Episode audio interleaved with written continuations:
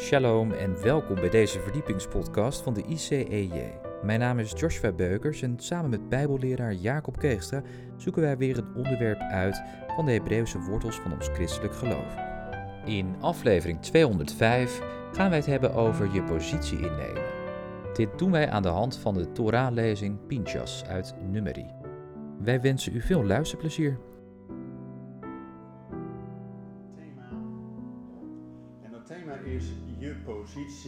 Innemen.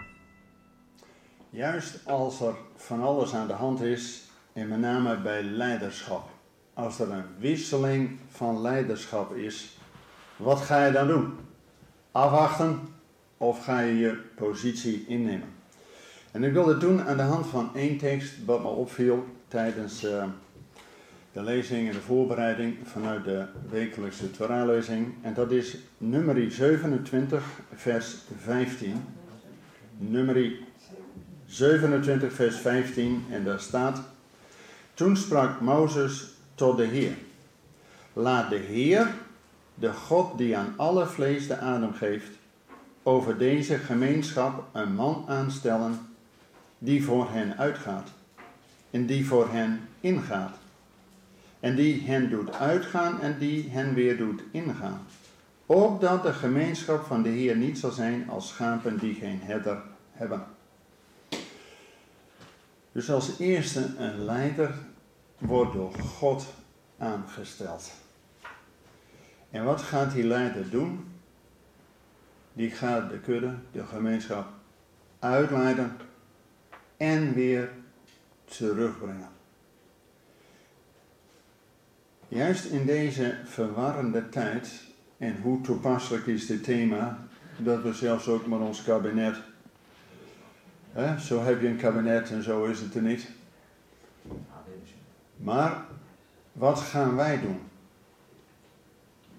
En juist als het ook in dit gedeelte op drie fronten gaat over leiderschapswisseling, wat is dan ook onze rol daarin? Even om dit allemaal te begrijpen, iedere tekst staat in een context. Dus even vanaf vorige week naar nu.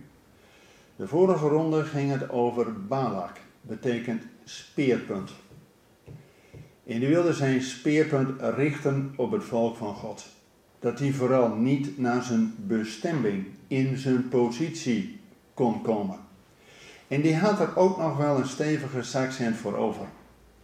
Notabene, Biliam wordt ingehuurd, een man met een redelijke reputatie, dat die Balak zegt zelfs, wie u zegent zal gezegend zijn. Oh, ik dacht dat dat juist ook al een van God was. Maar deze profeet, wie hij zegent, wordt gezegend. En God laat Biliam alleen maar gaan op voorwaarde dat hij het volk niet gaat vervloeken, maar tot vier keer toe gaat zegenen. En bij iedere Shabbat wordt die tekst aangehaald. Hoe lieflijk zijn uw woningen, o Jacob, en uw tenten, o Israël. En Biliam profeteert ook, ik zie een ster opgaan uit Jacob. Maar nu nog niet, over de toekomstige Messias. Hij profeteert ook, Amalek is het hoofd der volkeren. Amalek, dat volk wat Israël direct al bij de uittocht bij Egypte dwars zat. En zelfs ook via de achterhoede probeerde aan te vallen. Maar dat Amalek zal ondergaan. Want God gaat zijn volk tot hoofd der volkeren stellen. En dan, als zeg maar, de vervloekingen die Balak zo graag had gewild niet doorgaan en het volk alleen maar gezegend wordt en Biliam toch weer eh, weggaat, geeft hij alsnog een raad om via seksuele onmoraliteit het volk onderuit te halen. En zo vaak worden ook leiders wel niet door verkeerde relaties onderuit gehaald. Totdat in dit gedeelte Pingas, de kleinzoon van Aaron, het opneemt voor de Heer en de ontucht verdrijft. Alleen die Pingas moest ook nog iets leren. En dat zien we door alle drie wisselingen van de wacht heen. We zullen zien leiderschap vanuit het priesterschap wat overgaat, leiderschap wat vanuit de koningen overgaat, maar ook leiderschap wat vanuit de profeten overgaat. Kijk, bij priesters was het duidelijk, dat ging van vader op zoon. Ook bij koningen, zeker bij David en zijn opvolgers, van vader op zoon. Ja, je bent in het goede nest geboren of niet. Maar profeten was een ander verhaal. Dat was duidelijk wie God aanstelt. Notabene na dit hele gebeurde met de Midianieten is eigenlijk Mozes mond doodgemaakt. Want niet hij had de straf van de Midianieten tegengewerkt. Hij was notabene zelf getrouwd met een Midianitische. Maar was het Pingas uit die priesterlijke lijn die opkwam voor gerechtigheid. Alleen die priester, Pingas, staat direct in dit gedeelte. Hij moest uitkijken dat hij niet zo ijverig was voor de Heer, dat hij het recht in eigen handen gaat nemen. En dan kom je heel snel op geloofsfanatisme. En daar waarschuwt de Bijbel voor. Ijver voor de Heer, amen. Maar kijk uit dat je het recht niet in eigen hand neemt en zelfs boven de wet, boven de Torah staat. O Pingas moest leren en God geeft hem een verbond van vrede. Hou die even vast. Als er ook bij, dus dan is Mozes, moet afstand doen van zijn leiderschap. En hij vraagt aan God om een leider aan te stellen. En dan is het Josia die gekozen wordt. Dus niet zijn eigen zoon hè, van Mozes. Dus de ambt van profeet ging niet over van vader tot zoon.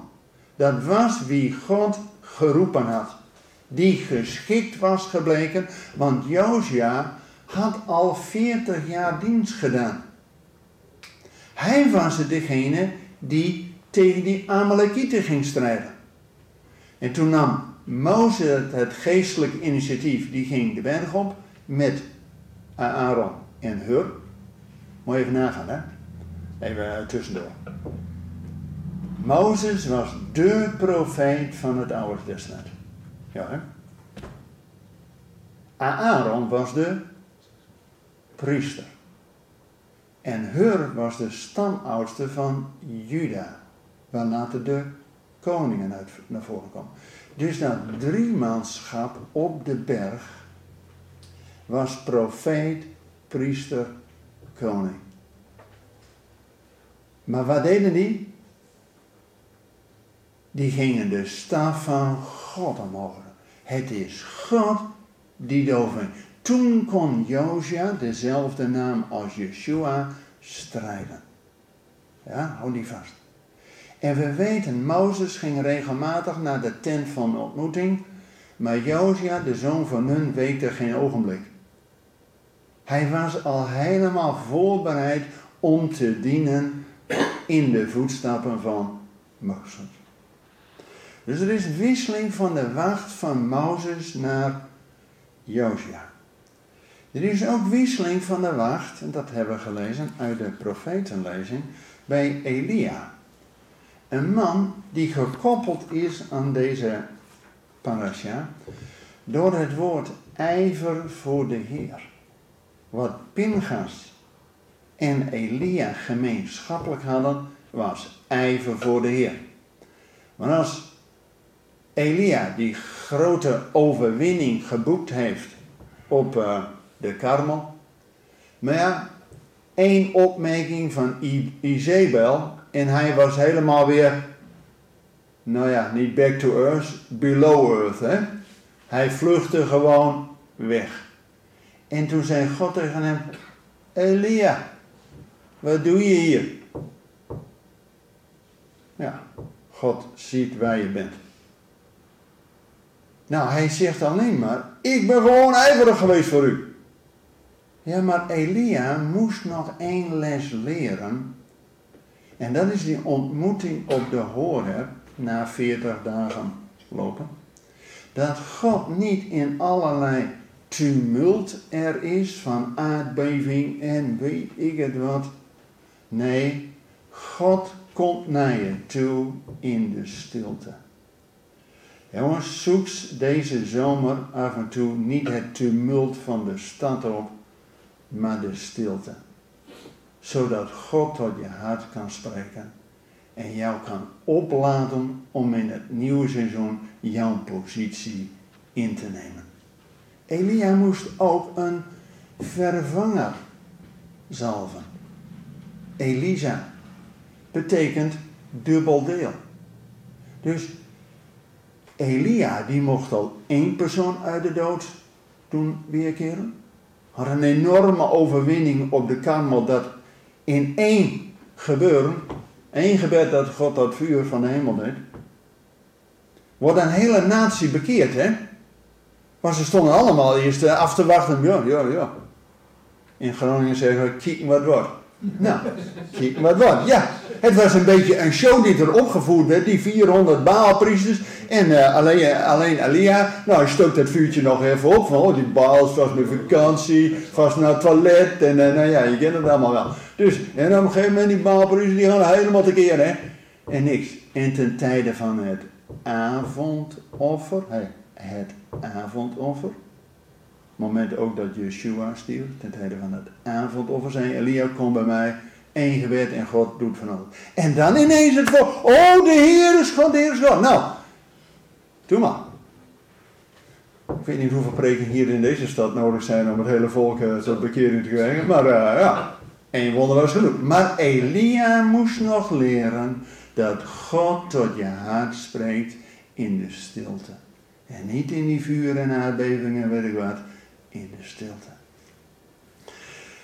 En als we de lijn ook doortrekken,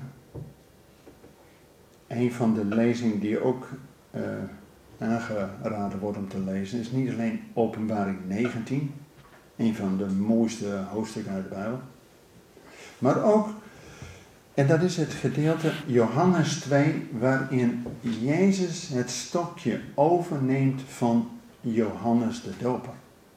Ook Johannes de Doper was ijverig voor de Heer. En die was, was radicaal hè, in zijn boodschap. Hij was gewoon, bekeert u. En dat zei hij zelfs, tegen die uh. Nou, ik zal het woord niet herhalen. Dat was niet zo vriendelijk wat hij daar zei.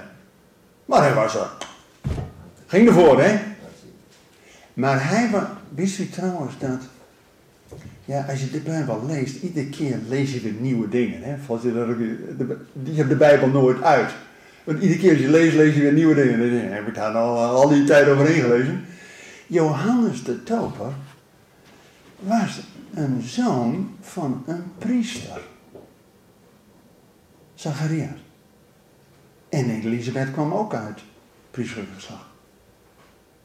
Alleen die mensen waren al wat op leeftijd. Dus dat die op een gegeven moment overleden zijn, dat snap je. Met andere woorden, dat Johannes al lange tijd in de woestijn, in de stilte zich voorbereidde om het ambt van profeet op te nemen. Amen. Staat in de schrift. Maar hij was ook een zoon van een priester.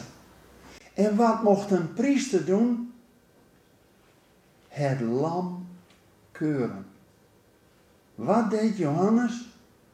Hij zei niet toen hij Yeshua voor de eerste keer zag, zei van, nou uh, hallo neef, had toch ook gekund? Dat was nog waar ook. Ik bedoel, zelfs in de moederschoot sprong hij al op van vreugde. Ja toch? Maar wat zegt hij, Johannes? Zie het lam hij was priester hè? en profeet. En daarin wees hij. Oh, geweldig. Maar dan zien we dat Yeshua dat overneemt. En Yeshua heeft dezelfde preek als Johannes. Yeshua heeft maar één preek, hè? En dat was bekeert u, want het. Oké. En weet u wat mij nou zo opvalt? In veel kerken wordt wel gepreekt over bekering. Dus de gospel of salvation. Hoe word ik gered? Maar dat het zo weinig gaat over het koninkrijk. En Yeshua zei, bekeert u, want het koninkrijk is nabij. Jongens, het draait om Yeshua, maar het gaat om de Vader. Het draait om vergeving, redding, maar het gaat om het koninkrijk. En je hoort zo weinig preken over het koninkrijk van God. Daar gaat het om. Yeshua had maar één preek. Bekeert u, want het koninkrijk is nabij.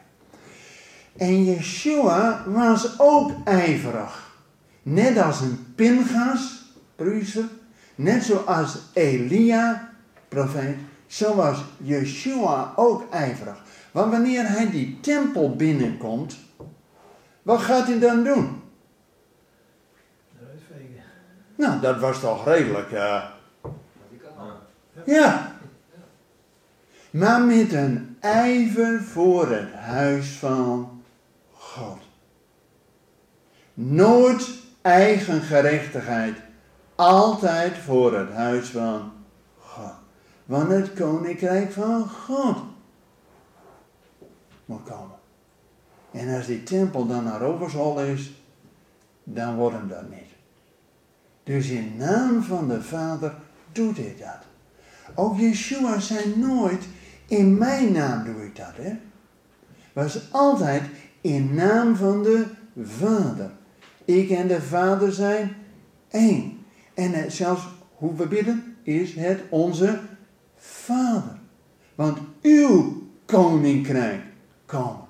Daar ging het allemaal.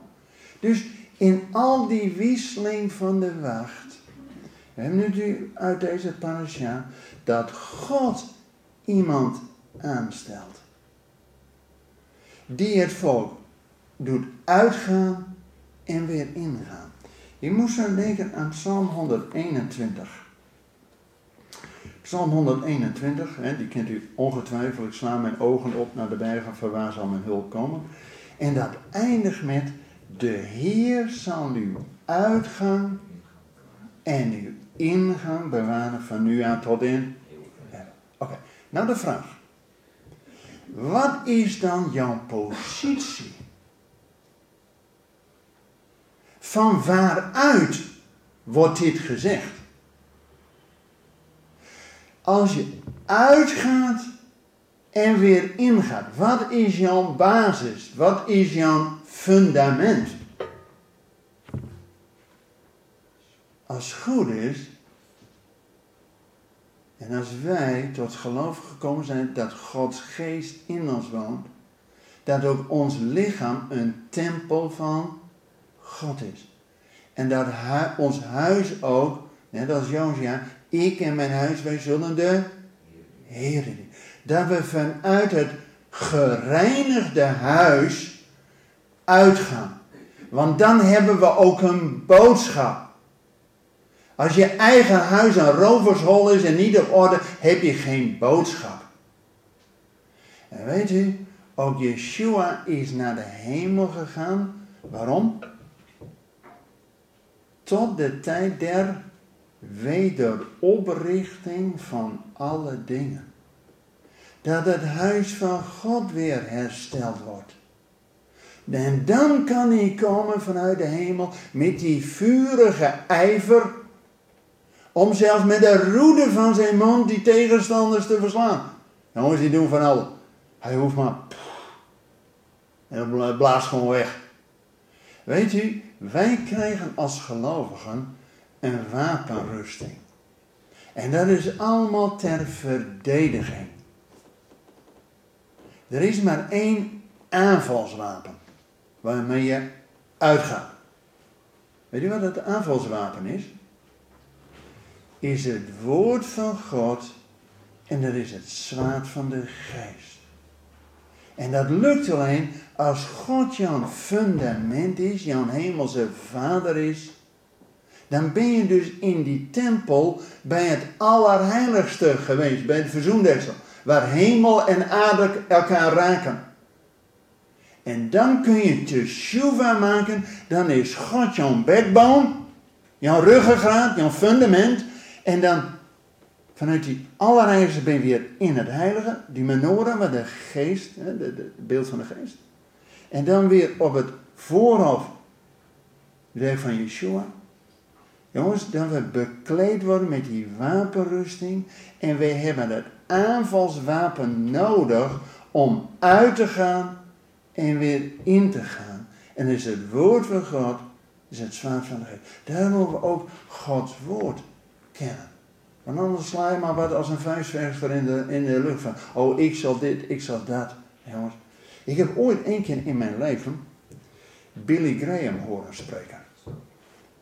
Ergens in Canada, zo uh, 35, 40 jaar geleden. En wat hij zei, daar weet ik helemaal niks meer van. Het was maar een kort preekje ook. Denk, wel, prima. Ja, bekeert u. Amen. Even niks negatiefs, hè. Maar hoe hij dat zei, dat heeft diepe indruk op mij gemaakt. Hij zei nergens van, ik ben de grote Billy Graham, luister naar mij. Of ik zal jullie even vertellen. Niks ervan. Hij zei altijd, the word of God says. It's written in the Bible. God spoke the word. Jongens, hij had het niet uit eigen kracht. Zijn autoriteit was in de naam van de Vader. En zo heeft Jezus ons ook geleerd te bidden en te hangen. Dat we in naam van de Vader dat kunnen doen. Weet u, en al die verwarring tegenwoordig, leiderschap, we leven in zo'n vaderloze maatschappij. Weet u waar de vaders voor nodig zijn? Wat de taak van de vader is? Om het kind los te maken van de moeder. Dat hij op zijn eigen benen gaat staan. Dat hij zijn eigen identiteit krijgt en dus in zijn eigen bestemming komt. En als het thema vandaag is je positie innemen. Jongens, er gebeurt zoveel in de wereld. Op de politiek kun je ook niet allemaal vertrouwen. Daarom is het dat God stelt leiders aan. Maar stelt ze ook weer af. Dat is wat. Als God leiders afstelt, dan heb je het gewoon niet goed gedaan. Hè? Nou, dan zou ik niet graag in je schoenen staan. Dus in deze parasha dat God leiders aanstelt voor de gemeente. Maar je mag thuis al oefenen. Hè? En ik spreek even tot de vaders. Ook de vaders worden geroepen om het woord ook aan hun eigen kinderen te vertellen. Wees blij dat de vrouwen het zonderschoolwerk hebben overgenomen, anders zou er niets van terecht zijn gekomen. Maar vaders worden geroepen het woord te verkondigen. Ook vaders worden geroepen om als priesters in hun gezin. Iedere vrijdagavond mogen we ook thuis die vrouwen en kinderen voor Gods brengen en een zegen over hen uitspreken. Dat is een voorrecht. Maar dat kan alleen als je zelf gezegend bent en in goede relatie staat met de eeuwige. Ja toch? Dan pas kun je ook tot een zegen zijn voor een ander. Israël werd gezegend om tot een zegen te zijn voor de volkeren. En nu, we hebben 2000 jaar lang Israël alleen maar tot een voetveeg gemaakt. Maar God is trouw. Hij gaat zijn volk terugbrengen. Daar is hij behoorlijk mee bezig. En gaat hun stellen tot een hoofd der volkeren. Zodat wij samen met Israël uitzien naar de koning van Israël. Dat hij het aanvoerderschap in het koningschap op zich neemt. We hebben het slot van openbaar 19 gelezen. Mijn lievelingstekst is het begin van openbaar 19. En daar staat halleluja. Want de Heer heeft zijn koningschap aanvaard. Jongens, Yeshua moest naar de hemel gaan. Waarom? Om zijn koningschap uit de hand van de Allerhoogste te ontvangen. En als hij dat aanvaard heeft, dan kan hij ook weer naar ons komen. En alleen wanneer ook zijn bruid zich gereed gemaakt heeft. En dat lukt alleen als we ook de daden van gerechtigheid doen. Als we in onze positie staan, onze plek innemen, dan kunnen we ook daden doen die God al lang heeft voorbereid. Dan word je niet moe van, maar uit eigen kracht word je moe. Maar als je in de positie staat die God je geeft, dan pas gaat de zalving. Weet je, iedere keer als ik ergens mag spreken, je zit je de eerste uur uh, ervoor aan. Je hebt geen idee welke kant de zangleiding op gaat. Je hebt niet altijd de afstemming. Dat je weet van, oh, het gaat meer op die kant op. Nee, je hebt geen idee. Je bidt alleen maar, Heer, dat wat ik heb voorbereid mag aansluiten met wat de gemeente nodig heeft. En dat het ook aansluit met de flow van de lieren. En pas wanneer je hier gaat staan, dan pas voel je de zalving van God. Niet als je daar zit. Dan heb je alleen maar adrenaline. Maar pas wanneer de zalving van God kan gaan stromen als jij in je positie gaat staan. In jouw bediening. Zo moest ook Israël, alles is opgeschreven over Israël ons tot voorbeeld. We hebben ook als gemeente, bid voor uw leiderschap. Want wanneer je goed leiderschap hebt, gedijt het volk. Want die zal de groene weide vinden waar je weer voeding krijgt. Maar die zal je ook weer terugbrengen bij het hart van het evangelie. Bij het hart van de Vader. Zullen we daarom bidden? We hebben zo Gods wijsheid, zo Gods geest. Bedankt voor het luisteren naar deze verdiepingspodcast van de ICEJ. Waardeert u onze podcast? Steun ons dan. Dat kunt u doen door een donatie of door deze podcast te delen met uw vrienden of familie. Meer informatie hierover vindt u op icej.nl. Volgende week volgt er uiteraard weer een nieuwe aflevering van deze verdiepingspodcast. Luistert u weer met ons mee? Ik hoop van wel. Bedankt voor het luisteren en tot volgende week.